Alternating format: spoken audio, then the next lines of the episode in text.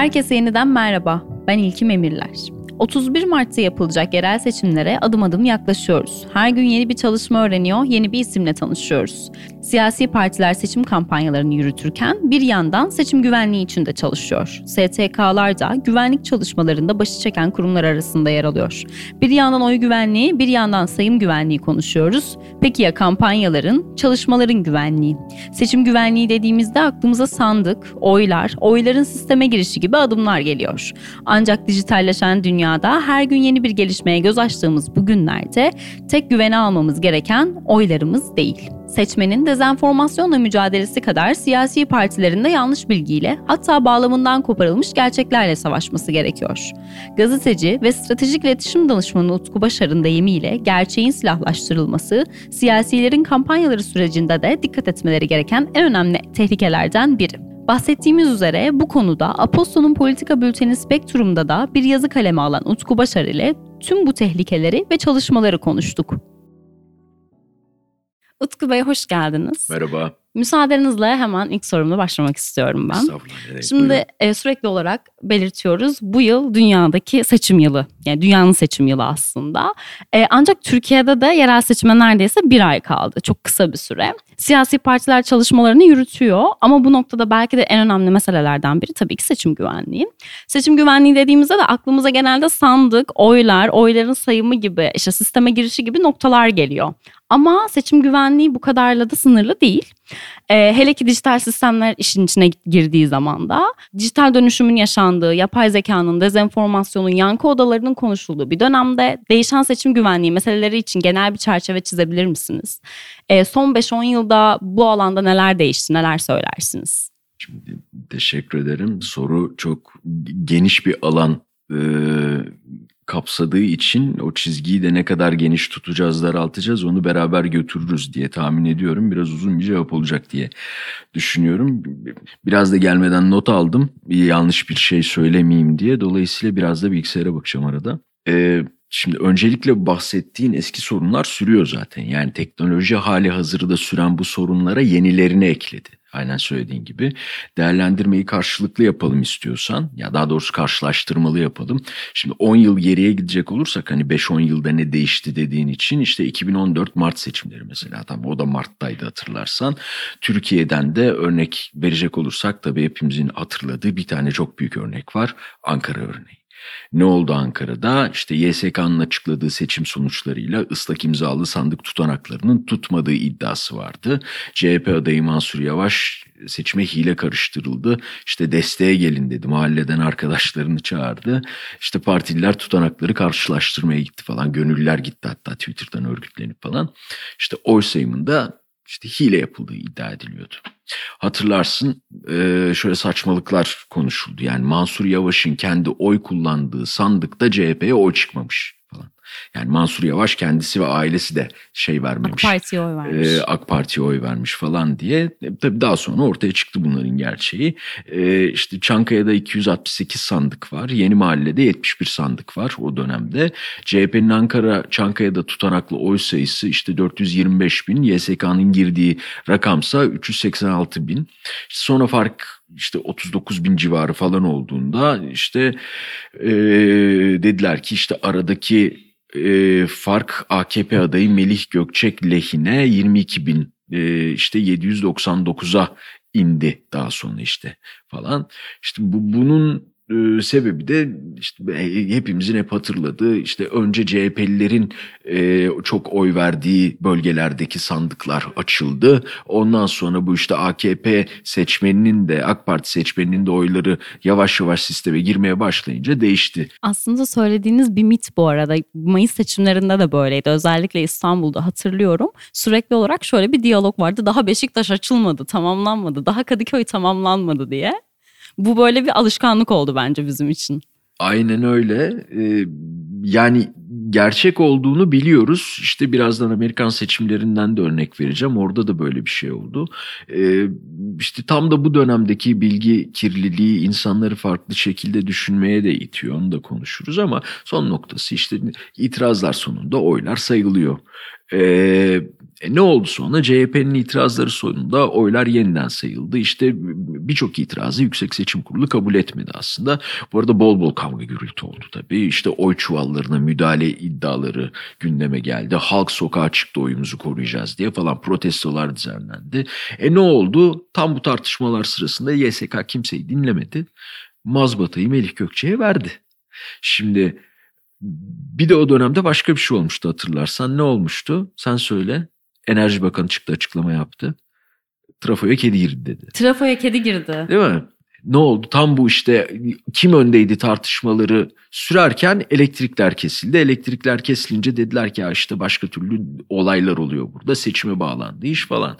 Ondan sonra e ne oldu? Sonradan anlaşıldı ki aslında bu siber saldırı yani trafoya kedimedi girdiği e, e, söz konusu değil. E, yani hemen üstü kapatıldı bunun. Biz de şey demeyelim yani bu siber saldırı oldu demeyelim böyle bir iddia var diyelim.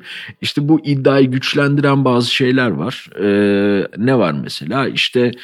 E, bu SCADA sistemlerinin aslında güvenliği yani o şeyin dağıtımı elektrik ve suyun dağıtılması ile ilgili sistemlerin güvenliğinin aslında çok da iyi olmadığı ve işte böyle saldırılara açık olduğu ile alakalı bir sorun e, yaşanabileceğiyle alakalı bir şey konuşuldu ve o yüzden de dediler ki evet işte bu çok kolay. Yani aslında şey sistemde şu yani monolitik yapılar bunlar işte yarı analog e, kendi içinde elektronik koruma sistemi de olan e, işte DNS dediğin şeyde biliyorsun işte dijital kimlik kartı aslında şeyin bir e, sistemin. Dolayısıyla çok kolay bir kodla e, dünyanın neresinde olursa olsun bu sistemlerin o kimlik kartları alan e, tanımı dolayısıyla nerede olduğunu görebiliyorsun. Ve işte çok da iyi korunmuyorsa çat diye e, zaten şey yapabiliyorsun. Dahil edilebiliyor. E, kendi müdahale edebiliyorsun ya da işte hackerlar müdahale edebiliyor. Hatta işte Ukrayna'da da en son konuşulan biliyorsun şeydi. Yani hiç bombalamadan bu sistemlerin hackerlar tarafından patlatıldığıydı. Yani çalışmaz hale getirildiği falan filan. Neyse son noktasında uzatmayayım e, bu sistemlere saldırı olduğu e, gibi bir şey e, ortaya çıktı. E şimdi 5-10 yılda ne değişti diyecek olursan e, bütün o konuştuğumuz şeyler aşağı yukarı e, aynı şekilde, aynı şekilde devam ediyor. E bu sistemler değişti mi değişmedi mi onu bilmiyoruz. Yani gene kedi girebilir şeye e, trafoya. 10 yıl sonra tekrardan aynı tabii, hikayeyi tabii. yaşayabiliriz. Yani bir, bir şey büyüm hani devletin bu bu işlerle ilgilenen böyle e, kurumunda siber güvenlik direktörü olan vakti zamanında bir büyüğüm şeyi anlatmıştı. Yani biz stratejik e, önemi olduğu için işte 12 tane barajın bu sistemlerinin e, güvenliğini artırmak için çalışma yaptık demişti. Şimdi devlet kendini korur çünkü. E şimdi düşünüyorsun seçimde bir devletin en önemli şeylerinden biri demokrasisini korumak. Devletin bu alanda da kendini koruması lazım diye e, bir fikir geliyor insanın aklına. Yani bir şekilde dışarıdan müdahale e, et, edilmesini sağlayacak bir açık varsa bununla ilgili önlem almak gerekiyor diye düşünüyorum ben de. Yani Ama temelde demokrasiyi korumak mı mesela onu o ayrı bir tartışma konusu işte oluyor. mesele işte. orada. Yani o dönemde işte aslında biraz iktidarın işine geldiği için biraz da yani e, koskoca ülkenin bu sistemi de açık e, dedirtmemek için bunun üstünü kapattılar gibi bir iddia var diyeyim yine böyle bir şey oldu demeyeyim. İşte e, şimdi neden anlattım bunları? Baştaki oy saymadaki itiş kakış işte o oy saymanın e, oy sayımının izlenmesine izin verilme biliyorsun herkesin hakkı aslında kendi evet. sandığındaki oyu e, sayılmasını izleyebiliyorsun. İşte e, diğer taraftan tutanak kopyasının atılmaması gibi şeyler yanında işte bu durum da devam ediyor. Yani bazı sistemlerin ne kadar biz korunaklı olduğunu e, e, bilmiyoruz. İşte bağımsız gözlemciler artık rahat rahat çalışamıyorlar, gelip gide, e, gidemiyorlar. İşte geçen İstanbul seçimlerinde bazı e, şeyde ilçelerde böyle mafyavari tehditlerin or, olduğu çok konuşuldu. Tabii tabii ateş açıldı sokaklarda. Bir sürü şey yaşandı. Aynen yani işte bazı bölgelerde birileri gelip sandığın üstüne oturdu diyen de var biliyorsun. Ve bazıları belgelendi bu iddialarında. Yani işte Bunları niye konuşuyoruz? Yavaş yavaş bir yere geleceğiz. Bir diğer konu işte geçen seçimde çok konuşuldu. Ee, seçmen taşınması meselesi. Yani e, metruk binalara, inşaatlara seçmen kaydı yapıldığına dair, işte bir haneye onlarca aile kaydedildiğine dair e, bir sürü iddia var ve bazıları da belgelendi bunların. Şimdi bu önemli bir problem olarak önümüzde. Teknolojinin eklediği şeylerin yanında hala bunlar ciddi problem. Bir diğer konu işte sonradan vatandaşlık verilen insanların oy kullanması. Yani hukuki haklarının yanında siyasi haklara da sahip olması bu insanların. İşte neden önemli e, diyorum bunların hepsini bir yere bağlayacağım. Ne olur kimse yanlış anlamasın. Yani ben çok uzun zaman çatışma bölgesinde ve insani kriz bölgesinde çalışmış bir gazeteciyim. Sonra yıllarca da e, sığınma statüsündeki işte geçici korumadaki çocukların psikososyal destek e, programları kurdum onlar için yönettim falan yani hani hiç öyle bir e, sığınmacı düşmanlığı üstünden kurmuyorum söylediğim şeyi ama bu ciddi bir problem yani çünkü oldukça saçma bir yere gitti. Yapısal bir problem yani. Güvenlikle mi alakalı? Bence evet. Niye güvenlikle alakalı? Çünkü bir iki gün sonra bambaşka etkilere açabilir şeyi. E, durumu. Çünkü bu insanlar şey durumda değiller. Yani bizim gibi vatandaşlık haklarını idrak edebilecek durumda değiller. E, daha kolay manipüle edilebilirler. Eee bu anlamda da demokrasi için tehdittir bu. Ayrımcılık gibi o yüzden görmesin kimse. Ee, bir de e, yani şöyle az da olsa kritik bir oran ya bu oy. Yani 300 binde olsa 200 binde olsa. Şimdi bizde yüzde birle e, seçim değişiyor. İşte yüzde 51'e 49 anlatabiliyor muyum? Yani işte o yüzde 51 burada Ali Babacan'ın söylediği bir şeyi hatırlatmak isterim. Her zaman da bunu konuşurken e, hatırlatıyorum karşımdakine. E, Ali Bey şunu söylüyor. Du ilk bu Cumhurbaşkanlığı seçimleri e, sırasında kendisi AK Parti'den şey olduktan sonra bir ikrar durumu olduktan sonra. Arkadaşlar yüzde 50 e, bir derken yüzde 50 artı bir oy hukuksal olarak.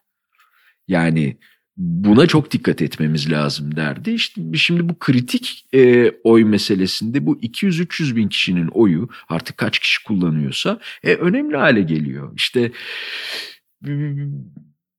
bunun yanında bizim asıl meselemiz bence seçim güvenliği ile ilgili aslında ayrıcalıklı hukuk hikayesi. Yani Yüksek Seçim Kurulu meselesini çok uzun zaman konuşuyoruz. İşte uygulayıcı Yüksek Seçim Kurulu işte yasa var. Yasanın uygulayıcısı o. Ee, işte Yargıtay ve Danıştay e, üyelerinden kendi aralarından gizlice e, yapılan bir oylamayla seçiliyor. Daha doğrusu gizlice değil de gizli oyla seçiliyor. Yani 6 Yargıtay 5 Danıştay olması lazım.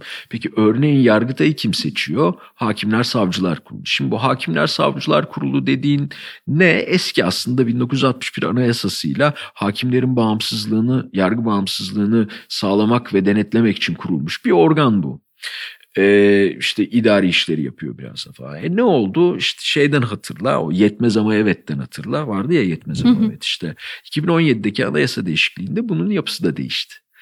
Görevleri değişmedi ama yapısı değişti. E, yapısındaki değişiklikte üye sayısı azaldı. Bir kısmı Cumhurbaşkanıca zaten Cumhurbaşkanı atıyor da hepsini hani bir kısmı Cumhurbaşkanıca bir kısmı meclis tarafından işte yargı ve akademiden insanlardan seçiliyor atanıyor falan. E tabii ne oldu? İşte bu alanda siyasetin etkisini biz daha fazla konuşmaya başladık. Şimdi diyeceksin ki belki e, daha önce yok muydu siyasetin etkisi? Tartışabiliriz. Çok geri gitmeyelim. Örnek olarak mesela gene hani anayasa değişikliğinden önce 2014'te e, ki az önce bahsettiğimiz şeye gidelim. İşte hala itirazlar varken Ankara'da trafoya kedi girdi mi yoksa oylar şöyle mi sayıldı böyle mi sayıldı derken Melih Gökçe'ye mazbatayı bir verdi. Bir anda mazbata verildi evet. E şimdi aynı kurul geçen yerel seçimlerde kimsenin mazbatasını vermedi, vermedi uzun zaman. Anlatabiliyor muyum? Şimdi böyle durumlar Verdi söz konusu. geri aldı. Verdi geri aldı falan. E işte İstanbul'da aynı zarftan çıkan iki oydan biri geçerli Geçer, sayıldı, biri geçersiz sayılmadı. sayıldı. Seçim iptaline gitti iş falan filan. Dolayısıyla yani hani Böyle bir etki de bence seçimle ilgili, güvenlikle ilgili konuşmamız gereken şeylerden bir tanesi. Hepsini bir yere koyun. İşte yani anayasa referandumunda hani değiştirir miydi sonucu tartışması çok oldu ama mühürsüz oylar sayıldı ve adamlar ne dedi? Çıktı dedi ki daha önce de yapılmış bir uygulama sehven e, sandık kurullarının hatasıdır. Bu dolayısıyla biz bunları geçerli sayıyoruz. Şimdi oradan çıktıktan sonra da şimdi bu yüksek yargı olduğu için tartışılmıyor. E tartışılmaması da lazım zaten. Yargı hepimize lazım yani ayağımızın altındaki halı. Onu bir çekersen zaten hepimiz aynen kaymaya başlayacağız. Dolayısıyla bu konularda hiçbir şey değişmedi. Uzat, uzattım biraz ama işte ne değişti ne değişmedi. E şimdi yani 51.41 evet 48.59 hayır çıktı o dönemde. İşte bu, bu işte kritik e, oy niye önemli buradan hesap edebiliriz. Anlatabiliyor muyum? O, o yüzden evet. yani hani kimse şeye yürümesin, lince yürümesin. Yerel seçimler söz konusu olduğunda çok ufak farklar çok öne getirebiliyor. Aynen öyle işte meclis yapıları değişiyor. Şey meclisleri, belediye, belediye meclis meclisleri. yapıları falan. Dolayısıyla hani dediğim gibi hani sığınmacı oyu ya da sonradan vatandaşlık verilenlerin oyu önemli midir? Önemlidir abi kusura bakmayın yani. Şey e, işte şimdi bakışı değiştirelim biraz başka bir yere gideceğiz. Bu kadar küçük bir fark bize aslında ne düşündürüyor? İşte 12 Eylül Anayasası bu tam ötekilerin niyeti iyi değil tamam da işte ben de bu değişikliğe hayır diyemem yetmez ama evet de demek istemiyorum. Ama hayır da demek istemiyorum. İşte o yüzden oy vermeyeceğim diyen de bir sürü insan vardı. Şimdi oranı söyledim 51-41'e 48-59. Şimdi bu anayasa değişikliği meselesi. Hani Bazıları diyebilir ki birçok sorunun nedeni de o anayasa değişikliğiydi. Ondan sonra işte şöyle oldu böyle oldu falan. Ee, şimdi o insanlar oy kullansaydı bu durum farklı olacaktı. Yani seçim güvenliği için asıl mesele bütün bu konuştuğumuz şeylerden öte e, turnout. Yani oyunu kullanmadan oyunu koruyamazsın kardeşim anlatabiliyor muyum? Oyunu kullanacaksın. Dolayısıyla e, Ondan sonra şunu konuşabiliriz. Ya oyda sayımında şu oldu bilmem ne de bu oldu. Çünkü bunun bütün dünyada bir şeyi var. Oranı var. Yani en fazla hile yapılabilecek şey belli. Oran belli. Dolayısıyla özellikle bizimki gibi ülkelerde yani hani e, işte ne kadar oyun nereye kayabileceği ya da işte oyun yazılıp yazılmamasının ne kadar şey değiştirebileceğini biliyorsun. Aslında Türkiye'de en çok oy oranı olan ülkelerden biri tabii, seçimlerde. Tabii tabii. Çok yüksek yani. Yani oran. politik katılım o anlamda başka ülkelere göre çok şey. E, yüksek oranda yüksek. evet. Özellikle Avrupa ile kıyaslandığında. Yani işte bir, bir korumaya ihtiyacın varsa da önce oy kullanacaksın sonra o korumaya devam edeceksin. Şimdi oran o yüzden çok önemli. Şimdi oran demişken hani şunu da söyleyeyim mesela gene bir sistemsel bir şey güvenlik meselesi bu. Aslında yapısal da bir şey. Bu gerrymandering meselesi. Gerrymandering diye bir durum var biliyorsun. Bunun e, ne demek olduğunu nasıl açıklarız? Şey diyelim stratejik taksimat. Yani seçim bölgeleri belirlenirken sınırların belli parti veya grubun faydasına olabilecek şekilde çizilmesi. Bu e, 2012'de konuşuldu biliyorsun 6360 e, sayılı kanunu hatırla. Neydi bu kanun? İşte 14 büyükşehir belediyesi yeni e, yapıldı. 27 e, yeni e, ilçe belediyesi kuruldu falan işte bu bununla ilgili kanun hükmünde kararnamedeki değişiklikle ilgili kanun. Artık öyle ya uzun uzun. Uzun uzun. Neyse bu yerel seçimlerde işte siyasi iktidara e, o dönemde avantaj sağladı diye eleştirildi. İşte o ama bir geri dönüp baktığın zaman işte bu yüzden yeni iller oluştu bu ülkede. Yani ilçe sınırları değişti. Daha önce de oldu bu. İşte yani Türkiye'deki en önemli örneği işte Demokrat Parti zamanında e, İsmet İnönü e, Malatyalı ve Cumhuriyet Halk Partisi Malatya'da sürekli fazla milletvekili e, şey oluyor diye çıkarıyor diye işte Adıyaman'ın Malatya'dan ayrılarak il yapılması. Yani hani örnek siyaset bilimciler bu konuşulurken bunu verirler. İşte özellikle meclis üyelerinin belirlenmesinde eşitlik e, ve temsilde adalet ilkesinin zarar gördüğünü söyler e, bu işi bilenlerde. E, yani böyle bir eleştiri var akademi tarafından da. Bu 2012'deki kanunda böyle eleştirilmişti hatırlarsan. Biraz da Trivial Pursuit yapalım. Bu gerrymandering'le e, deyince ya bu aslında bu işi e, ilk uygulayan adamın isminden geliyor. İşte 1810-1812 arasında Birleşik Devletler'de Massachusetts valisi o zamanki Elbridge Thomas Gerry diye bir adammış.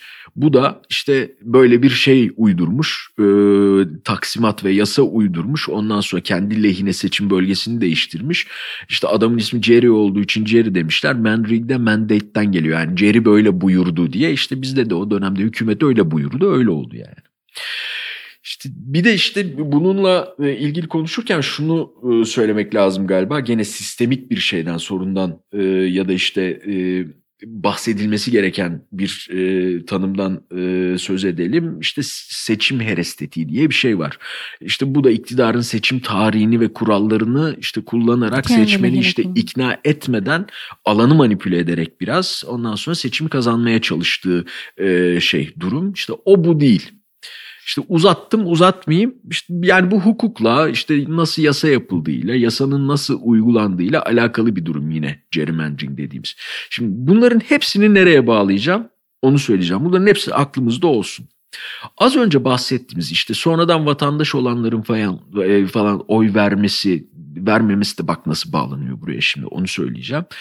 2000 ABD başkanlık seçimleri. 2000 ABD başkanlık seçimlerinde ne oldu hatırla. Florida'da otomatik oy verme sisteminde bir nane oldu. Kullanılan o işte punch kartlar dan bazıları iyi delinmedi ya da bazılarının işaretlemesi çok işte anlaşılmıyor dendi. İşte olması gerektiği gibi değil dendi. İşte demokratlar tam böyle El Gore'un şeyini yaparken artık başkan oldu falan diye kutlamasını yaparsan yaparken cumhuriyetçiler buna itiraz ettiler. Dediler ki hacı bir dakika biz bu oyları bir daha saymak istiyoruz. Ondan sonra ya o arada böyle bir sürü ulusal kanal, uluslararası yayın falan diyor ki tamam El Gore başkan seçildi falan. O dönem Bush'un e, strateji danışmanı Karl Rove diye biri vardı. Tek tek bütün kanalları arayıp dedi ki bir dakika birader burada bir durum var siz bu yaptığınız kutlamaları bir bırakın bakalım. Bitmedi daha bu seçim. Biz tekrar dönüyoruz bu işe. İşte bizdeki gibi işte bu CHP'li seçmenin çok olduğu yerdeki sandığın açılması meselesi ya konuştuk ya demin işte. Evet. Ona benzer bir iş. Sonra bir ortaya çıktı ki Bush önde. Ondan sonra kaç oyla önde? Bir tahmin et kaç oyla olabilir? Hatırlıyor musun bilmiyorum ama bir tahmin et kaç olabilir yani? Bak koskoca Amerikan başkanlık seçimleri. Bin. 537 oyla. Yaklaşmışım. Tabii. 537 oyla önde işte. Bu da binde beşine denk geliyormuş oradaki oyların tamam mı? Amerikan kanununa göre de kardeş binde beş ya da yüzde beş gibi bir şey olursa biz bir daha sayım isteyebiliriz diye bir şey varmış. İşte bu, bu adamlar da onu işlettiler. Bir daha makineyle sayım yapıldı. Bu sefer yani bu sefer oy farkı 327'ye düştü. Dediler ki istemez hukuk. Bir daha sayacağız. Nasıl sayacağız? 50 ile sayacağız bu sefer. Yüksek mahkeme girdi işin içine yok yapamazsınız diye. Ondan sonra bunlar yüksek mahkemeye itiraz ettiler. Siz demokratlar lehine partizan karar veriyorsunuz falan diye bir sürü böyle kavga gürültü çıktı. Neyse sonra ne oldu? Bir daha işte bir şey kabul edildi yani aradaki fark kabul edildi. 5 hafta boyunca hatırla Amerikan başkanı açıklanamadı. Ne oldu sonuçta? 327 oyla bir tane moron ve etrafındaki katil sürüsü tamam mı? Amerika'nın da iktidara oturdu. E ne oldu sonra arkasından? Bu adamlar çıktı Birleşmiş Milletler'de yalan söylediler. Ee, Irak'ta kitle imha silahı var diye. İşte e, Afganistan oldu, Irak işgali oldu. Yüz binlerce sivil öldü. Dünyanın bir sürü yerinde abuk subuk bir sürü iş yaptılar falan. E ne oldu o 327 oyun dalga etkisi bu. Şimdi hep bağlayacağım dediğim şey bu. İşte bu sonradan vatandaşlık verilenlerin kullandığı oy sayısını ve geçen seçimleri düşün şimdi. Tamam Mayıs seçimleri. Evet. Yani demokratik hakkını korumanın sadece şeyi e, böyle sonrasında oy kullanma sırasında ve sonrasında korumakla alakalı e, değil aslında. Biraz da o oy vermeyle alakalı durum. E, o yüzden kardeşim kalkacaksın gideceksin oyunu vereceksin. Niye? Amerikan seçimleri örneğini niye verdim? 500 bin tane demokrat seçmen kıçını kaldırıp oy, oy vermeye vermedi. gitmedi. Hı? Gitseydi bambaşka. Gitseydi bambaşka olurdu. İşte buradan şuna bağlayayım öyle noktalayayım bunu. Çok uzun oldu. Yani soru geniş ama işte cevap da o kadar uzamasın. Ee, yani seçimde güvenlik biraz artık işte bunu da bildiği için herkes seçmenin oy verme davranışını etkilemeye yönelik. Yani sen ya işte siyasetçiye güvenme zaten gidip ona oy versen ne olacak? Hani bizde vardı ya Kılıçlara oy versen ne olacak işte. Oy vermezsen böyle oluyor görüyorsun. Yani kazanamıyor senin tuttuğun parti neyse ya da işte senin dünya görüşün iktidara gelemiyor. Aslında bir oy bir oydur söyleme ne Aynen kadar önemli olduğu görülüyor. Aynen öyle. Dolayısıyla güvenlik biraz seçmenin oy verme davranışının düzenlenmesine yönelik müdahalelerle ilgili artık bu noktadan sonra. Yani biraz bundan bahsetmemiz lazım. Seçim daha çok işte oy karar verme yani oy kararını vermeden aslında e, o kararı almakla ilgili etkilenmesinden seçmenin bahsediyoruz. Yani işte bu dönemde çok konuştuğumuz bu sosyal medya, manipülasyon, yapay zeka, dezenformasyon hatta ve hatta bu kutuplaştırma meselesi ya da kutuplaşma meselesi de burada devreye giriyor. İşte en net örneği ne? 2016 başkanlık seçimlerinde Amerika'da Rusya tarafından müdahale edildiği iddiası. Somutlaştırayım şimdi örnekle. Birleşik Devletler Senato İstihbarat Komitesi'nin raporları var bununla ilgili biliyorsun. İşte Mueller raportu bilmem ne falan sayma. O bulgulara göre işte 2010 şeyden itibaren, 3'ten itibaren Rus internet ajansı ya da birkaç tane Rus devletine bağlı ajans bak bunlar iddia işte Amerikan seçimlerini etkilemek, Clinton'a kara çalmak üzere böyle troll orduları kurdu falan diyorlar işte. Ne yapacak? Hem troller Clinton'ı e, itibarsızlaştırmaya çalışacaklar. Hillary Clinton'ı. Ondan sonra işte hem de böyle Amerikan toplumunun işte gelir adaletsizliği, fırsat, fırsat eşitsizliği, işte ırk ayrımcılığı, adalet sistemine güvensizlik, göçmen ve İslam karşılığı gibi böyle fay üstünden özellikle de dezavantajlı grupların duygusal tepkilerini tetikleyecekler ürettikleri içeriklerle, sosyal medya manipülasyonuyla vesaire. Onları manipüle edip e, işte farklı bir yol yaratacaklar ve farklı bir oy sistemi kuracaklar. Aynen öyle. Aslında. Yani özellikle demokrat ve cumhuriyetçi oyların birbirine yakın olduğu yerlerde demokrat seçmenin işte Clinton'a güvensizlik dolayısıyla özellikle siyahi demokrat seçmenin o işte Black Lives Matter hikayesinin niye bu kadar yükseldiğini öyle açıklıyorlar. Ee, şeye oy vermeye gitmemesini sağlamak. E ne olacak onlar oy vermeye gitmeyince? Bir, bir önceki seçimde ne olduysa o oluyor. Yani işte e, Gerçi şöyle de bir durum var işte bunu da konuşurken bağlayayım oraya. Science dergisinin 2019'da yayınladığı bir araştırma var, bir makale bu Amerikan seçimlerindeki dezenformasyon hikayesiyle ilgili orada diyorlar ki ya arkadaş siz bunu böyle çok büyütüyorsunuz. Bu işte tüm dijital medya tüketiminin yüzde altısına falan denk geliyor.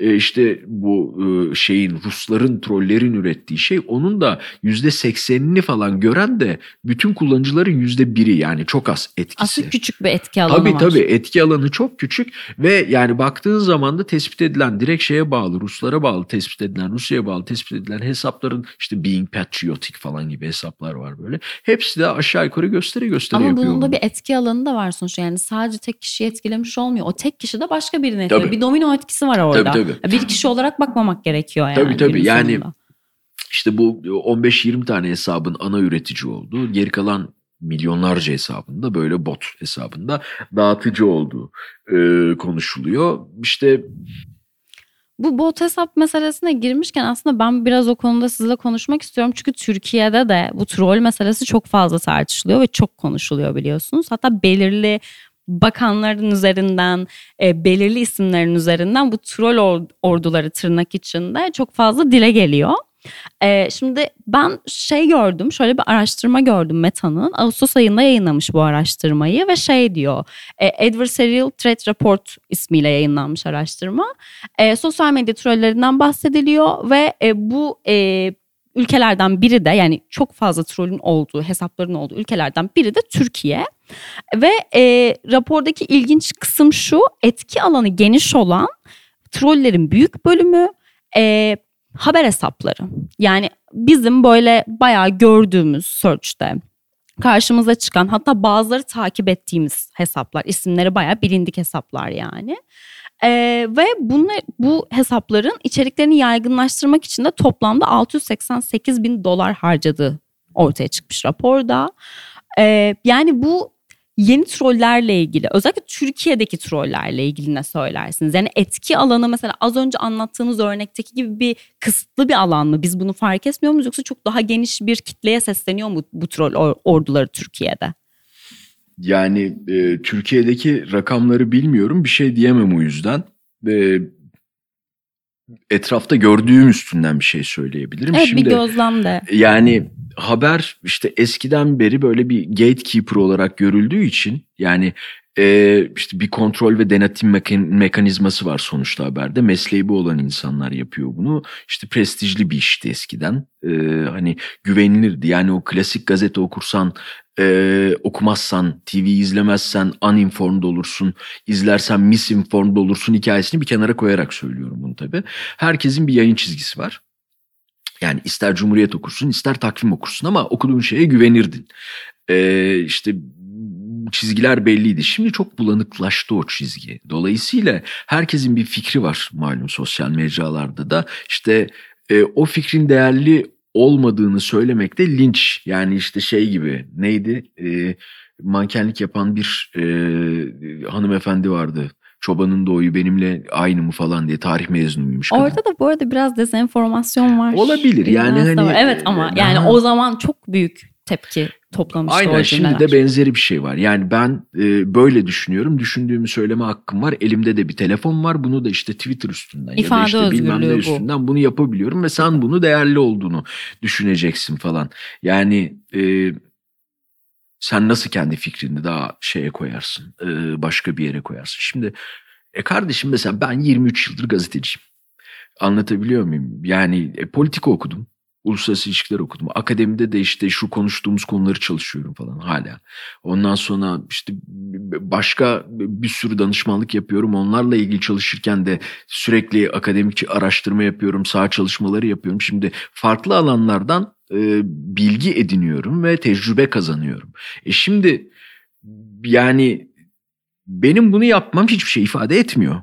Çünkü seninkiyle benimki şeyse hani senin de ifade etme özgürlüğün varsa ve benim de ifade etme özgürlüğüm varsa ve sen benimkini kendinkinden ayırmayacaksın diyorsan orada bir sıkıntı var. Şimdi adam ya da kadın neyse konuşurken karşındaki ne diyor ki işte ben öyle düşünmüyorum. Ben öyle düşünmüyorum dediği anda her şey bitiyor zaten. Yani bunu bilgiye dayalı olması, tecrübeye dayalı olması işte bunlardan ziyade artık bakışa e, yönelik bir şey var. E, içerik üreticisi de şimdi kendini haberci diye tanımlamaya başladı. Bu konudaki yetkinliğin ne diyorsun? Diyor ki ben öyle düşünüyorum. E bitiyor orada o zaman. Ya ben dünyayı böyle görüyorum, hayata böyle bakıyorum dediklerinde insanların... Biraz ama okuma alışkanlığının değişmiş olmasının da etkisi vardır bu noktada. Yani çünkü gazeteden okumak ve buradan takip etmek çok farklı bir derinlik, çok farklı bir perspektif katıyorken şimdi Twitter'dan iki tane haberin linkine bakıp ha tamam bu olmuş deyip kapatıp geçiyoruz.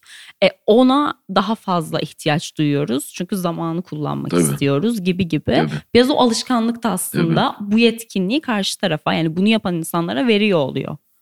İşte yani bu biraz da şunu sağlıyor işte yani o alan daha böyle satüre bir alan olduğu için işte e, belli araçlar üstünden de bunları manipüle etmek de kolay. Yani hani e, ben hayata böyle bakıyorum dedikleri için içeriklerine müdahale etmesi de zor oluyor. Yani bir gazetecinin e, araştırırken baktığı şeylere ki bazı gazeteciler bile düşebiliyor böyle şeylere. Çok saçma sapan şeyler oluyor yani. Hani ya bu bu hatayı nasıl yapar bu insan diyorsun. Ya da işte bir gazetecilik organizasyonu nasıl bu kadar arkasında şey yapmadan, e, araştırmadan böyle bir şey yapabilir diyorsun.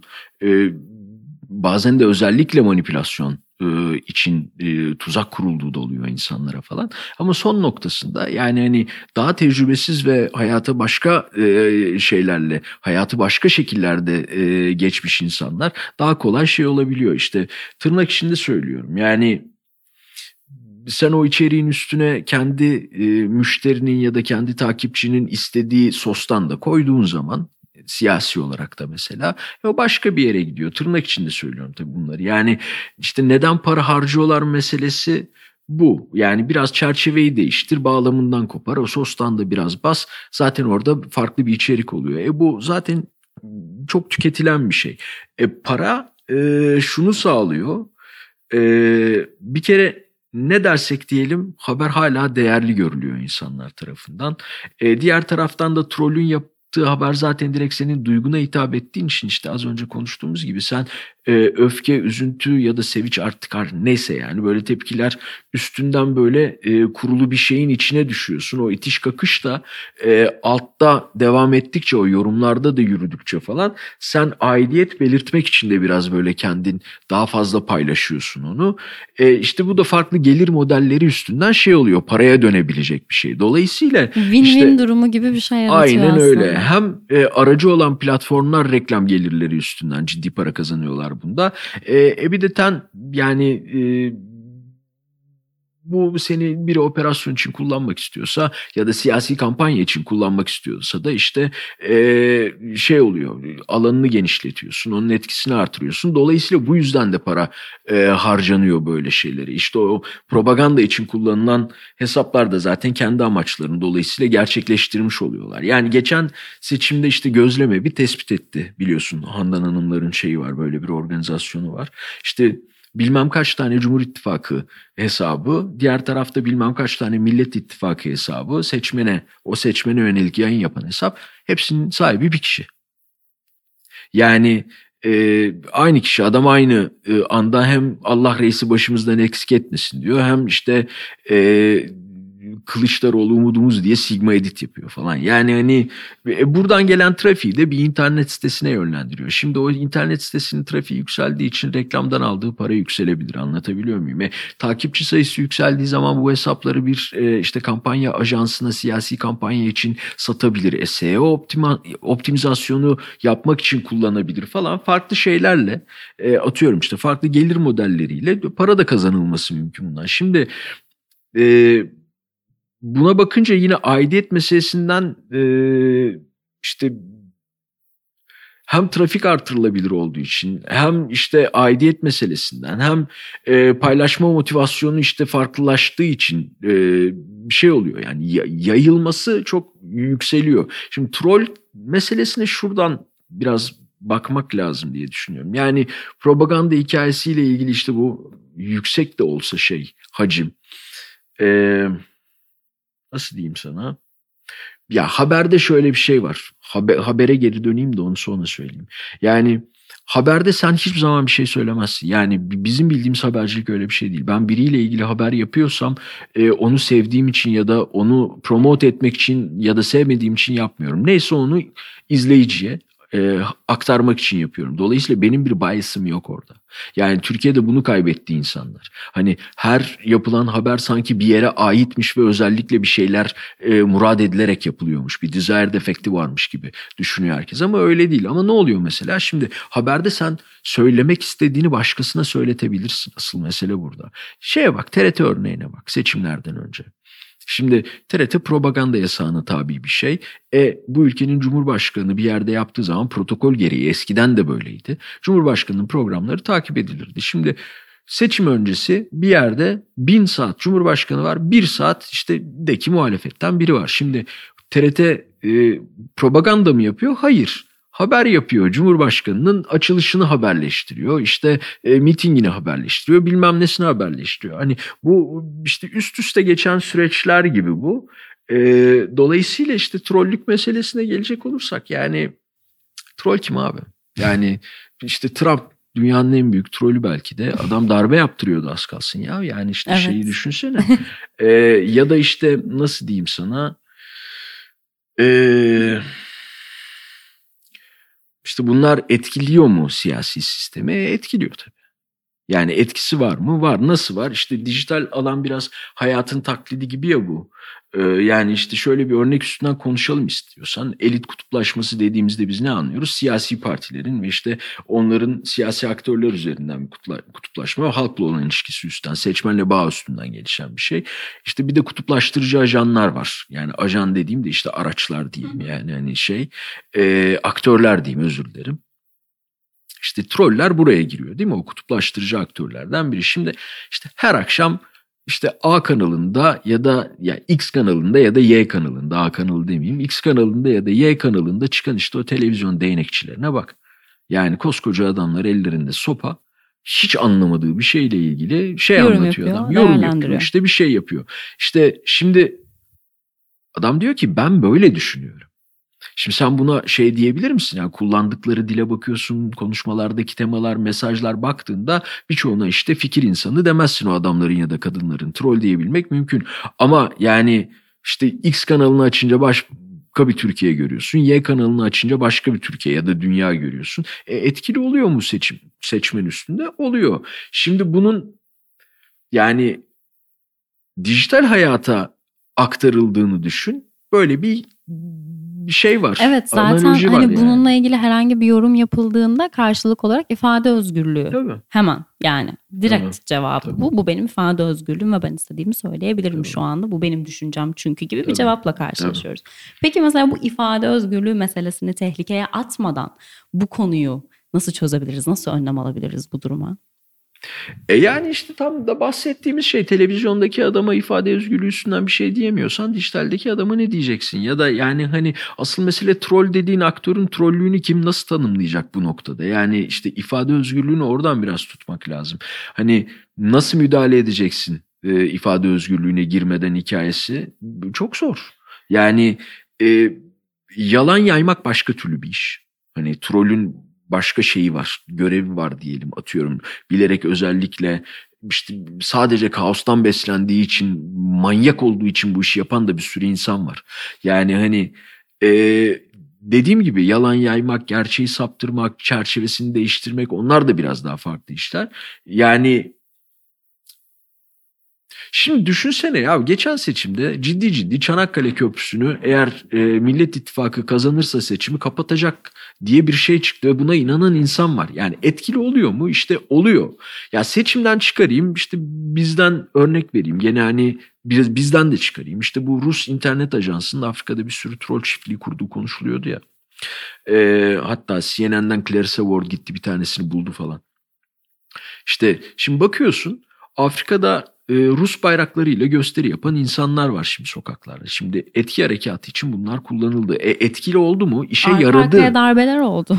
Ya da, bak şunu karıştırmamak lazım ama. Şimdi darbe meselesine geliriz. Darbenin asıl kralı şeyde oluyor. Batı tarafından destekleniyor yani. Hani o bambaşka.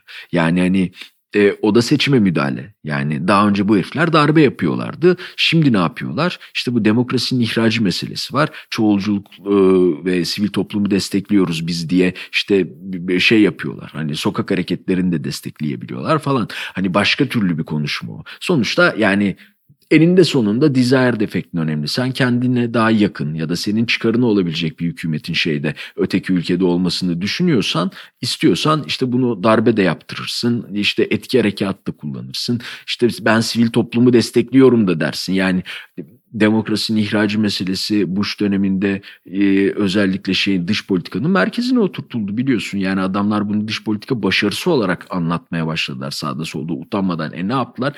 Irak e, şeyine söyle adını Irak e, seçimlerine 2005'ti galiba müdahale etmeye kalktılar. Hatta yani adamı dışarıdan getirdiler. O kadar Amerikalıydı ki adam Iraklı. Getirdikleri alnında yazıyordu yani. Hani e, şey 2009'da yanılmıyorsam yine Karzai'nin seçilmesini istemedikleri için perde arkasından Afganistan'da bir sürü iş yaptılar. Bak bunu da ben söylemiyorum ha Karzai meselesini eski CIA başkanı Amerikan e, savunma bakanı anılarında yazdı ya Karzai için biz böyle böyle yaptık diye. E, Hamas'a karşı El Fethi'yi 2006'da desteklediler. Para verdiler. Daha geri git Boris Yeltsin kazansın şeye karşı diye ilk e, Putin'in girdiği seçimlerde Clinton biraz böyle başka şeyleri oynattı falan. Yani çok konuşulan şeyler bunlar. E, şimdi şeyi de sayarsın. E, Türkiye bunlardan bir tanesi. Eskiden atıyorum git Guatemala'ya, Şili'ye, Arjantin'e, Türkiye'ye sor bakalım yani o adamların şeyle seçim performansları ne? Şimdi demokratik sisteme müdahale en önemli şeyse seçimde demokratik sistemin garantisi ise darbeden daha büyük bir demokratik sisteme şey yok. Dolayısıyla o farklı. Şimdi Ruslara geri alayım başka bir şey söyleyeceğim. Şimdi işe yarıyor mu? Yarıyor. Ama bunun işe yarayabilmesi için işte şey var. Yani hani bir yandan da böyle Rus doktrini öyledir. Yani bütünlüklü bir yaklaşım vardır. Hem bilişsel hem e, teknolojik birleşiktir böyle birbirini tamamlar. Ee, işte bir de bununla ilgili politik irade ve hedef meselesi var tabii. Şimdi Afrikalılar kendilerini yüzyıllarca sömüren Avrupalılardan bıkmasaydı o ortam hazır olmayacaktı. Değil mi? Ee, bunu yapamazdı Ruslar da.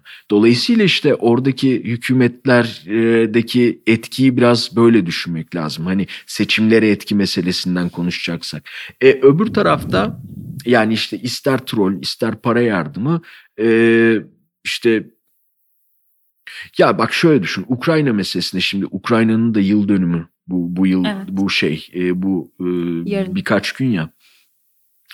E, işte Afrikalı troller bak nasıl çalışıyor öyle anlatayım sana nasıl da etkili oluyor. Şimdi Ukrayna operasyonu başlar başlamaz böyle ciddi bir itiş kakış başladı internette. Hatta operasyon başlamadan şöyle bir hikaye konuşuyorduk biz kendi aramızda. Zaten bu çünkü biliyorsun online'dan offline'a taşılan taşınan ilk çatışma dünya tarihindeki. Yani çatışmanın online'dan offline'a taşındığını biz gördük böyle. Hani bir de zaten şey doktrini öyledir. Rus doktrini öyledir. Ee, çatışmanın e, şeyleri belli stage'leri vardır böyle.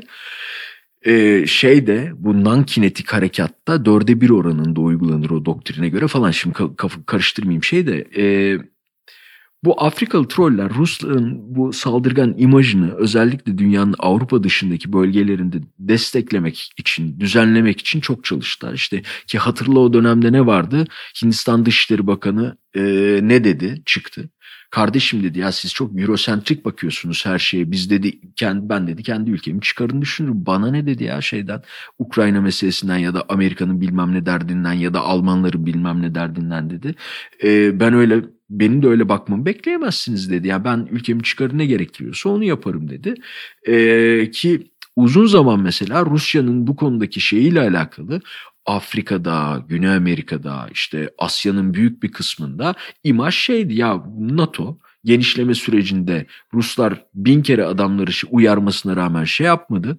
Gerektiği gibi ha, e, hareket etmedi ve adamları kışkırttı. Dolayısıyla şey oldu. Sıkıntı oldu dediler. Yani hani e, bu imajı besleyen biraz işte e, o Rus e, şey e, Afrikalı troller bir yandan da atıyorum. Niye? Çünkü hani kendi bölgesinin dinamikleriyle neyi nasıl anlatabileceğini insanlara biliyor. Dolayısıyla etkili oluyor. Dolayısıyla seçimlerde de o anlamda etkili oluyor. E, bir de verili bunlar biliyorsun yani araştırmalar var. Kamuoyu araştırmaları o bölgelerde gerçekten Rus imajının nasıl olduğu, NATO'nun Avrupa'nın imajının nasıl olduğu falan. Şimdi bir tane Twitch yayıncısı var mesela tesadüf birebir yaşadığım bir şeyi anlatayım. Afrikalı bir kardeş bu. Bir gün e, işte çok takipçili haber paylaştı. Bir tane Afrikalı kardeş Twitch yayıncısı tamam mı? Haberde diyor ki ABD'li bir general e, Ukrayna'da cephede şeyle savaşırken Rus birlikleriyle karşı savaşırken yakalandı. Şeyinde fotoğrafı var. Adamın da fotoğrafı var. Üç yıldızlı bir general. Kolort komutanı herif yani. Adamı tanıyorum tesadüf bende. Tamam mı?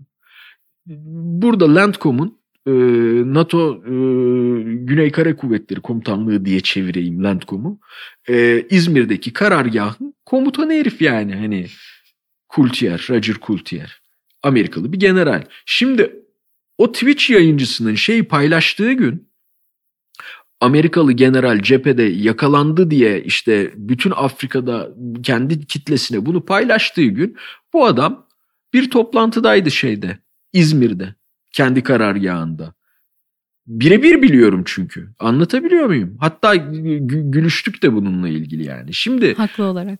Anlatabiliyorum. Bir de ya koskoca oradaki hikaye şu işte. Yani hani hiç kimsenin aynen söylediğin gibi buna vakti yok. Yani ben bunu bilmesem bir bakarım ha falan deyip geçerim ya da şeyde bilmiyorsam ulan koskoca kor generalin, üç yıldızı generalin cephede ne işi var diye bunu sormuyorsam kendime hmm, öyleymiş deyip geçerim.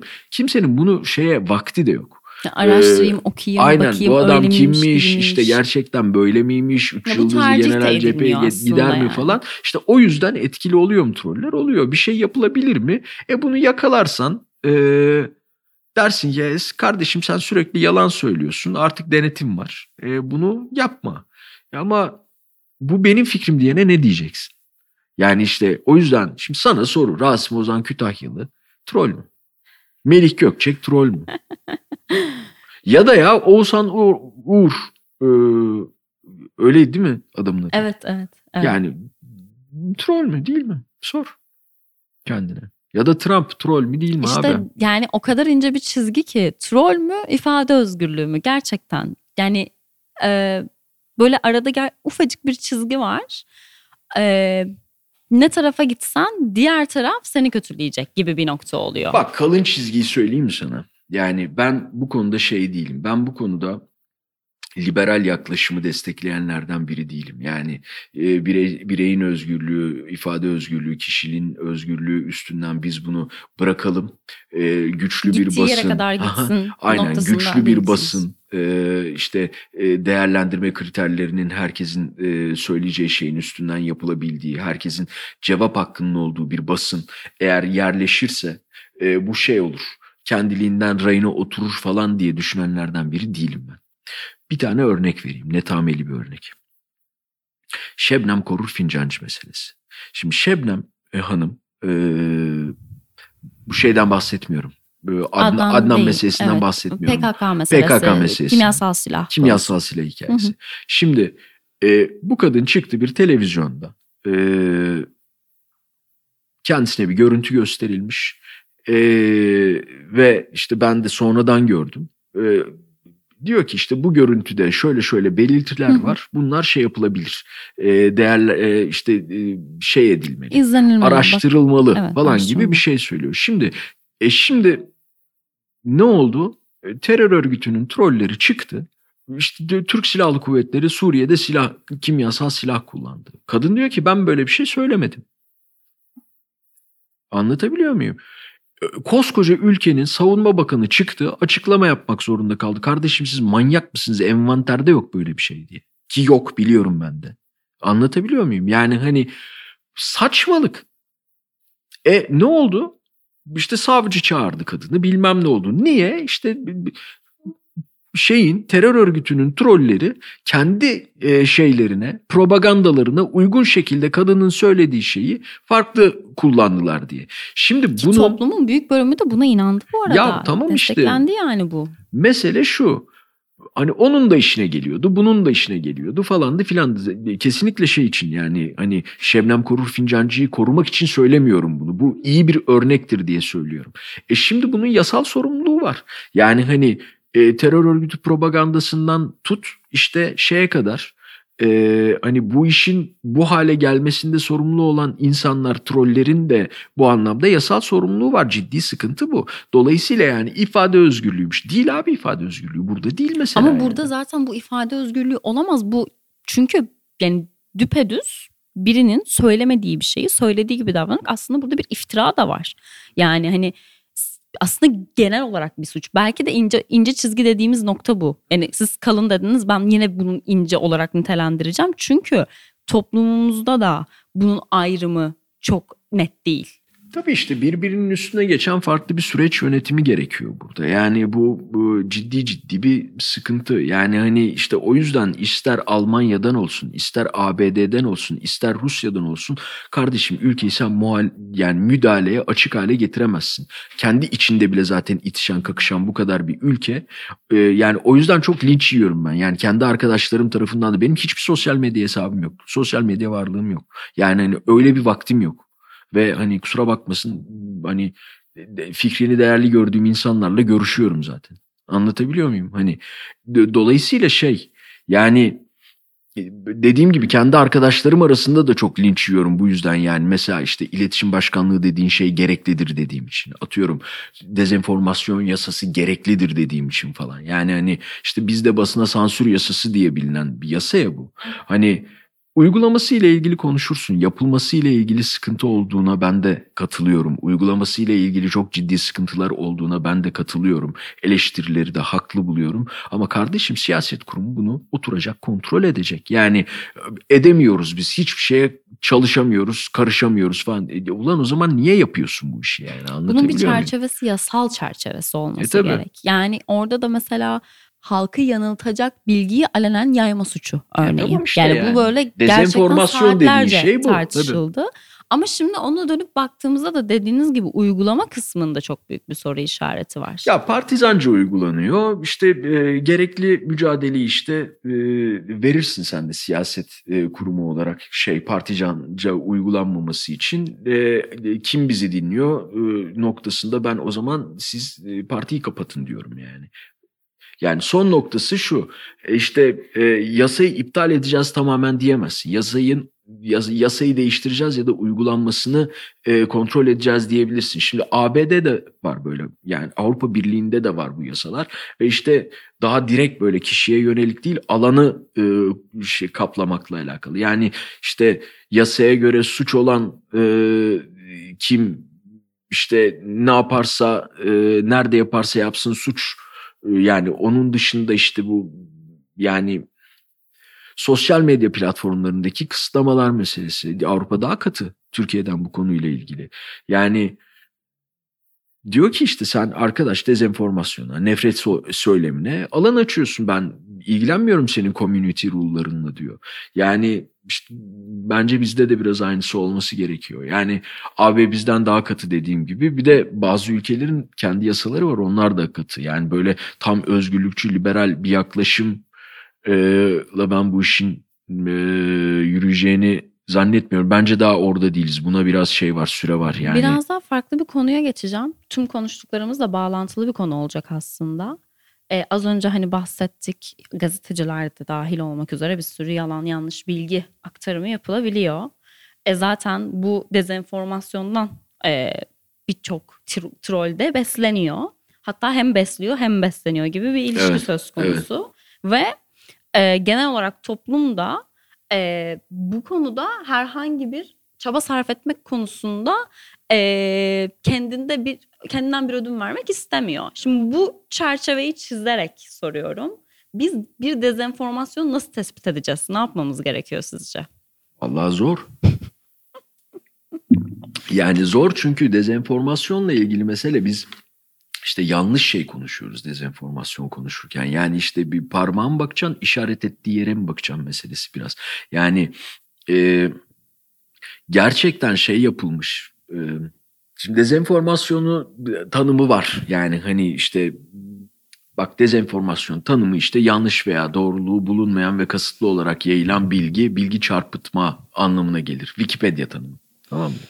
İşte ama yani sadece dezenformasyon değil, mezenformasyon da var mesela. İşte e, şekilleri var. Yani hiciv, parodi, işte hı hı. bu zarar verme e, niyetindeyse mesela e, farklı ama zarar verme niyeti yok diyelim. Ondan sonra e, işte kandırma potansiyeli var. Ondan sonra hatalı ilişkilendirme diye bir şey var. İçinde mesela. kendi türleri de var. Tabii tabii. Hatalı ilişkilendirme diye bir şey var. İşte başlıklar ve görsellerin içerikle uygulan yani altındaki bilgiler farklı. Çarpıtılmış içerik var mesela işte bir konuyu veya kişiyi e, çerçevelemek için bilgilerin yanıltıcı kullanımı falan. Yanlış bağlam var. İşte sahte kimlikle e, taklit içerik var. İşte manipüle edilmiş içerik var. Uydurma üretilmiş içerik var falan. Ama yani bir de işte gerçeğin silahlaştırılması diye bir hikaye var. Yani ben evet, işte yazmıştım yazdınız, hatırlıyorsun. Evet, evet. Yani onu nereye koyacaksın? E gerçek bu ama öyle bir şeyle kürasyonla sana sunuluyor ki e, o kutuplaştırıcı bir yandan bir yandan alanı dizayn etmeye yönelik e, işte bir yandan içindeki çok küçük bir şey bağlamından koparılmış bir şey e, ciddi dezenformasyon unsuru taşıyor falan. Onu nereye koyacaksın? Ben şöyle bir şey e, önerebilirim sadece. Şimdi bu dezenformasyonla e, de, işte dezenformasyona karşı koymakla alakalı böyle e, konuşurken işte şey derler bu işi bilenler. Dört tane D'si vardır dezenformasyonun derler. Ee, bir de şeye inanırım ben paterne yani birbirini tekrarlayan davranışların bazı şeylerde belirleyici olduğuna inanırım. Ondan bir bahsedeyim istiyorsan. Yani çok basit değil aslında dediğin gibi de işte e, o paternlerin yolumuzu bulmamıza rehberlik edebileceğini düşünüyorum. O yüzden mesela işte o dört tane D'yi bir konuşursak e, o dört tane D'den hangilerini sen yakalıyorsan bir şeyde e, dersin ki ha burada dezenformasyon olabilir. Tabii yani ilk mesele critical thinking hikayesi. Eleştirel düşünceyi bir kere şey yapacaksın. E, medya, sosyal medya okur yazarlığı. Ondan sonra infodemi eğitimleri falan var. Yani çok istiyorsan. Ve bunlar açık kaynak hepsi. Şimdi ilk D dismiss yani ne? Reddetme. Mesela seni e, eleştiren e, söyle eleştirenin söylediğini beğenmedin mesela. Reddedeceksin. O öyle değil diyeceksin. Da hatta karşındakini de biraz böyle e, hakaret edip korkutacaksın ki uzatmasın yani. Bir, bir an önce şey yapsın. Hani orada sen kazandın diyelim tamam mı? Bir hakaretle hemen. Ha, e şimdi patern olarak bu davranış şeklini yakaladın mı bir yerde dijital ortamda da e dersin ki ha o dezenformasyonun dört tane D'sinden biri var burada şimdi cebine koy onu. İkincisi distort yani ne? Çarpıtma. İşte gerçekler hoşuna gitmedi mi? işine gelmiyor mu? Ya da senin için kullanışlı mı başka şekilde? Fırsat mı doğdu bunu manipüle edebilmek için? Hemen çarpıt. Ee, mesela örnek vereyim. İşte diyelim ki Türkiye'nin İsrail Büyükelçiliği Tel Aviv'de sokak gösterileri var diye bir harita yayınladı. Ee, sonra da dedi ki işte kardeşim buralarda gösteri var. Güvenlik problemi olabilir gitmeyin. Hani burada da Amerika'da e, elçiliği işte e, İngiliz elçiliği falan yayınlıyor ya böyle hani güvenlik tehdidi var bilmem Evet, ne evet. falan filan diye böyle bizimkiler de kızıyorlar. Atıyorum bizimkiler de öyle bir şey yayınladı diyelim tamam mı? Ondan sonra çat o görseli aldın haritayı. İsrail'deki bu işle ilgilenenler aldılar haritayı e, çarpıttılar. Dediler ki bak sokak gösterilerinin yerini gösteriyor ki hani e, buralarda gösteriye gidebilirsiniz. Gidip orada işte şey yapabilirsiniz, katılabilirsiniz. Yani kaosu besliyor. Bak görüyor musun falan diye şey yaptı. Ya bu niye bunu anlatıyorum? Hani İsrail Türkiye örneği vardı ama Rusya ile Britanya arasında bu oldu. Yani screenshotları var gönderirim sana şey yaparsınız. Yazılısını eklersiniz şeyin podcast'ın. Yani honest mistake gibi görünebilen şeyler de oluyor falan ama yani hani değil aslında dediğim gibi. Baktın patern halinde böyle bir şey var abi. Ha 2D 2 2D. Şimdi üçüncü D distract yani dikkat dağıtma. Biri seni bir şeyle suçladı mı sen de ya onu ya da başkasını aynı şeyle suçla. İşte e, atıyorum Britanya'da polis göstericileri dövmüş. E, biz de dedik ya görüyor musun işte göstericileri dövdüler. E, Britanyalılar da hemen şey yaptı. Aa bak sizde de polis bunu böyle yapıyor. Sizin de polisin anlayışı bu falan diye bir şey yaptı diyelim tamam mı? E, post yaptılar falan. Aynı hikaye yani işte Dördüncüsü de dismay. Ee, işte korku karşındakinin söylediği hoşuna gitmedi mi işine gelmedi mi korkut yani şey Tehdit. gibi biraz hani soru sordu diyelim muhabir birine işte direkt cevap vermek yerine şey diyorsun yani ha ben senin kime hizmet ettiğini biliyorum falan diyorsun tamam mı? Hani en basit tehditlerden biri bu. Patern haline geldiyse böyle şeyler işte bu 4D'den kaç tanesi var ve patern halindeyse bu hani orada dezenformasyonla ilgili konuşabiliriz gibi düşünüyorum ben anlatabiliyor muyum? Yani bunlara bakmak lazım tabii. Ee, işte Kaç tane D var elinde? Bence ona bakacaksın. Ama zor. Yani en başta bunu yapmak isteyen bir kere e, bunu yapma niyetiyle başlıyor işte. Dolayısıyla stratejik avantajı var. Yani bir de buna kaynak ayırıyor zaman ayırıyor. Sen hazırlıksızsın zaten vaktin yok. Ondan sonra bildiğin konu değil bunu düşünmemişsin falan böyle. Uzun iş yani. Ortaya Muhtemelen okuyorsun ve geçiyorsun. Tabii yani oltaya Üzerine gelmemek ya oltaya gelmek daha kolay aslında. Hani Evet. üzülmesin kimse ya ben buna düştüm diye. Çünkü zaten dediğim gibi stratejik avantaj karşıda o bunu bir şey nedeniyle zaten yapıyor. Ee, işte daha komiğini söyleyeyim sana. Güvendiğin insanlardan gelen bilgiye daha kolay e, inandığın için dezenformasyon hikayesinin en fazla işlediği yer işte sosyal medyada gelen şey değildir aslında WhatsApp gruplarıdır. Evet. Yani Brezilya seçimlerinde tozunu attılar ortalığın Bolsonaro e, e, kampanyasında. İnanılmaz işe yaradı. Yani o yüzden e, yani bak mesela şeyi söyleyeyim bir de bu hani benim tanıdığım bildiğim insanlar bunu yapmaz diyebileceğim bir şey değil. Yani muhalefet kanadı hep şeyi e, genelde e, Bu konuda mağdur ha, görünen mağdur kanat. görünür. Evet. E, geçen seçimde Mayıs seçimlerinde e, Cumhurbaşkanlığı seçiminde ilk hikaye şeydi dezenformasyon meselesi. Eğer birinci turda Cumhurbaşkanı'na oy verdiyseniz ikinci turda vermenize gerek yok.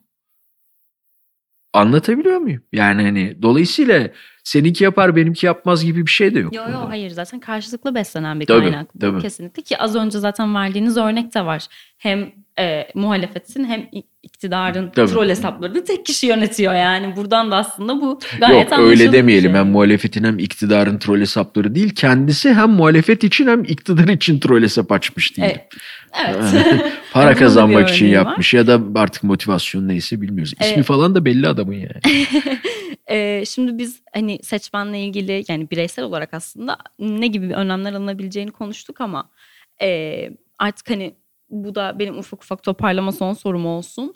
E, partiler peki bu durum için ne yapabilir? Yani önümüzde bir ay kaldı hemen hemen ve bu bir aylık süreçte de dezenformasyon yerel seçimlerde hatta daha yoğun yapılıyor. Daha yoğun görüyoruz. Çünkü seçmen noktası çok fazla, e, çok farklı dinamikleri var her yerel e, yerel e, yönetimin. O yüzden çok daha farklı haberler çıkabiliyor. Siz e, dikkat etmesi gereken noktaların partiler partiler nezdinde neler olduğunu söylersiniz. Yani bence biraz artık şey e, alıştı e, partiler buna. E, yani bir işte bir kere herkesin neye dikkat etmesi gerekiyorsa onlar da onlara dikkat edecekler.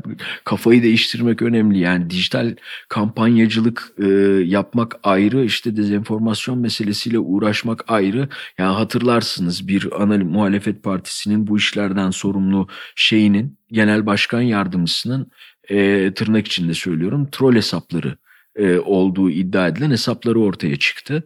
E, adam dedi ki ya kardeşim benim işim bu ben gazeteciyim. E, ayrıca biz bunu şey yapmak için seçim döneminde doğru bilgi yaymak için dezenformasyonu engellemek için yaptık. Şimdi burada çok acıklı bir durum var. E, şimdi ana muhalefet partisinde bu işle görevli en tepedeki adam dezenformasyonla doğru bilgi yayarak mücadele edebileceğini zannediyor. Yani bu bu olabilecek bir şey değil. Şimdi bir kere dolayısıyla şeyi değiştirmek lazım. Hani bu bu işle ilgili kim ne biliyor ve ona bakmak lazım. Gerçekten bu işi bilen insanlarla çalışmak lazım. Ee, çünkü hepimizin geleceği yani bu, bu, bu X partisi için de Y partisi için de geçer bu arada. Sadece şey için söylemiyorum bunu. Yani e, dolayısıyla şimdi biraz buradan bakıyorum. E, Şuradan bir örnek vereyim şimdi. Doğrulama meselesi, doğru bilgi yayma meselesi. Bu şey çok konuşuluyor bu dönemde biliyorsundur sen de. Debunking meselesi. Yani teyit organizasyonları. Şimdi baktığın zaman kimse alınmasın ama teyit organizasyonları kerameti kendinden menkul böyle e, organizasyonlar. Bir de asıl mesele şu. Az önce söyledim ya dezenformasyonu yapacak insan zaten stratejik avantajla geliyor. Bunu oturuyor uzun zaman düşünüyor, planlıyor, işte buna kaynak ayırıyor vesaire. Şimdi şeyde oldu bu e, Hollanda'nın 2015 ya da 16'da yanlış hatırlamıyorsam AB'nin Ukrayna'ya yardımlarını oyladığı bir referandumunda oldu. Sonra hani Brexit'ten sonra Nexit konuşulmaya başlandı ya Hollanda'da gene oldu bu. Çünkü Hollanda'da bir yasa e, geçti 2015'te yanılmıyorsam. Hani 300 bin e, oy veriyorsa birisi şunun konuşulmasını istiyorum diye o konuşuluyor. Dolayısıyla oldu bu. İşte e, şey döneminde o Ukrayna'ya yardım meselesinde ve işte AB'den çıkalım mı çıkmayalım mı gibi şeyler konuşulurken acayip bir troll saldırısı oldu. E, şimdi o teyit organizasyonları ne yaptılar? Buna karşı koyamadılar. Ne oldu? Örnek vereyim 10 tane e, yalandan 3'ünü çürütebildiler diyelim tamam mı? Dolayısıyla o üçü de çürütüldüğü için bu sefer insanlar döndü. Ha bunlar çürütülmediği için doğru olabilir diye o yedi tanesinin doğruluğuna ilişkin algıyı güçlendirdiler bu sefer. Anlatabildim mi söylediğim şeyi? Dolayısıyla yani bunu yapacak kaynağın yoksa ya da bilen insan yapmıyorsa bunu yapmaya teyit organizasyonlarında da genç gazeteciler çalışıyor ya da yeni bu işi öğrenen insanlar çalışıyor. Şeyse de, eğitim alıyorlarsa da bununla ilgili. Hani gömmek için söylemiyorum ama işlemiyor anlatıyorum gerekli olduklarını da düşünüyorum bu arada. Öbür tarafında şu var mesela işte debunking mi pre-bunking mi hikayesi pre-bunking hikayesi şu. Bizim e, iletişimde inoculation theory dediğimiz şey, aşılama teorisi dediğimiz şey. Yani aşı nedir? Bir hastalıkla ilgili mikrobu sana önden verir ki hani bünye ona şey olsun, dayanıklılık kazansın değil mi? E, Dolayısıyla mesela böyle şeyler biraz daha işe yararmış gibi görünüyor. Ben biraz bizim bizim Türkiye'de de böyle şeyler olduğunu e, düşünüyorum. Ya bana şeyi düşündürdü mesela. Geçen de İBB'nin e, otobüsleriyle ilgili ya da işte ulaşım hizmetleriyle ilgili bir tane yapay zeka video çıktı hatırlıyorsun. Yani yapay zeka ile manipüle edilmiş bir video. Hem dış sesi yani şeyi okuyanı, perforeyi, voiceover okuyan sesi manipüle etmişler. Hem de işte içerideki e, şey e, konuşan e, genç bir kadın var. Öğrenci yanılmıyorsam onun sesini değiştirmişler. İşte farklı bir metin bağlamından koparılan ama yani o kadar anlaşılıyor ki ne olduğu. Şimdi şey diyeceğim halk grade diyeceğim yani bedava e, şey e, yapay zeka programları bile çok iyi şeyler yapabilirken anlaşılması çok şeyler zor şeyler yapabilirken böyle herkesin yapay zeka ile yapıldığını anladığı bir şeyin böyle pat diye ortaya çıktığını gördük. Şimdi bu bana aşılama teorisi dediğin şeyi düşündürüyor. Ha demek ki böyle şeyler yapılabilir konuşuyorsun ondan sonra. Dolayısıyla ben biraz böyle artık gerçek yani alanın gerçekliğiyle ilgili çözümlerin e, düşünülmesi gerektiğini partiler tarafından da düşünüyorum. E, gerekliliğine inanıyorum bunun. Yani tasarım ihtiyacı binaen gerçekleştirilen bir çalışmadır, yapılan bir çalışmadır. Dolayısıyla ihtiyacın neyse ona göre bir şey kurarsın, ekip kurarsın, ona göre bir çalışma yaparsın falan. Ama zaten dijital meseleyle ilgili çok e, gerideler, zorlar yani. İşleri de zor daha doğrusu. Anladım aslında önümüzdeki bir ayda kolay kolay çözülecek bir mesele değil. Hayır bu. tabii canım. Yani. Ama yani şeyin hakkını vermek lazım. Hani e, iş oraya döndü bunu fark ettiler. Alanın ne kadar güç çarpanı etkisi yaptığını fark ettiler. İşte bu işi e, yavaş yavaş e, kim biliyor kim bilmiyor alanda bu belli olacak. O belli olduktan sonra da işte artık oraya doğru evrilecek e, bu iş. Yani ee, işte geçen de yazdım ben şeyde bu bu hafta yayınlandı galiba değil mi? Evet. Ee, yazı ben İmamoğlu kampanyasının iyi gittiğini düşünüyorum burada. Teşekkür ederim. Ben teşekkür Çok keyifli ederim. bir sohbet Utku Bey. Katıldığınız için çok teşekkür ederiz yayınımıza. Bir sonraki bölümde görüşünceye dek hoşçakalın.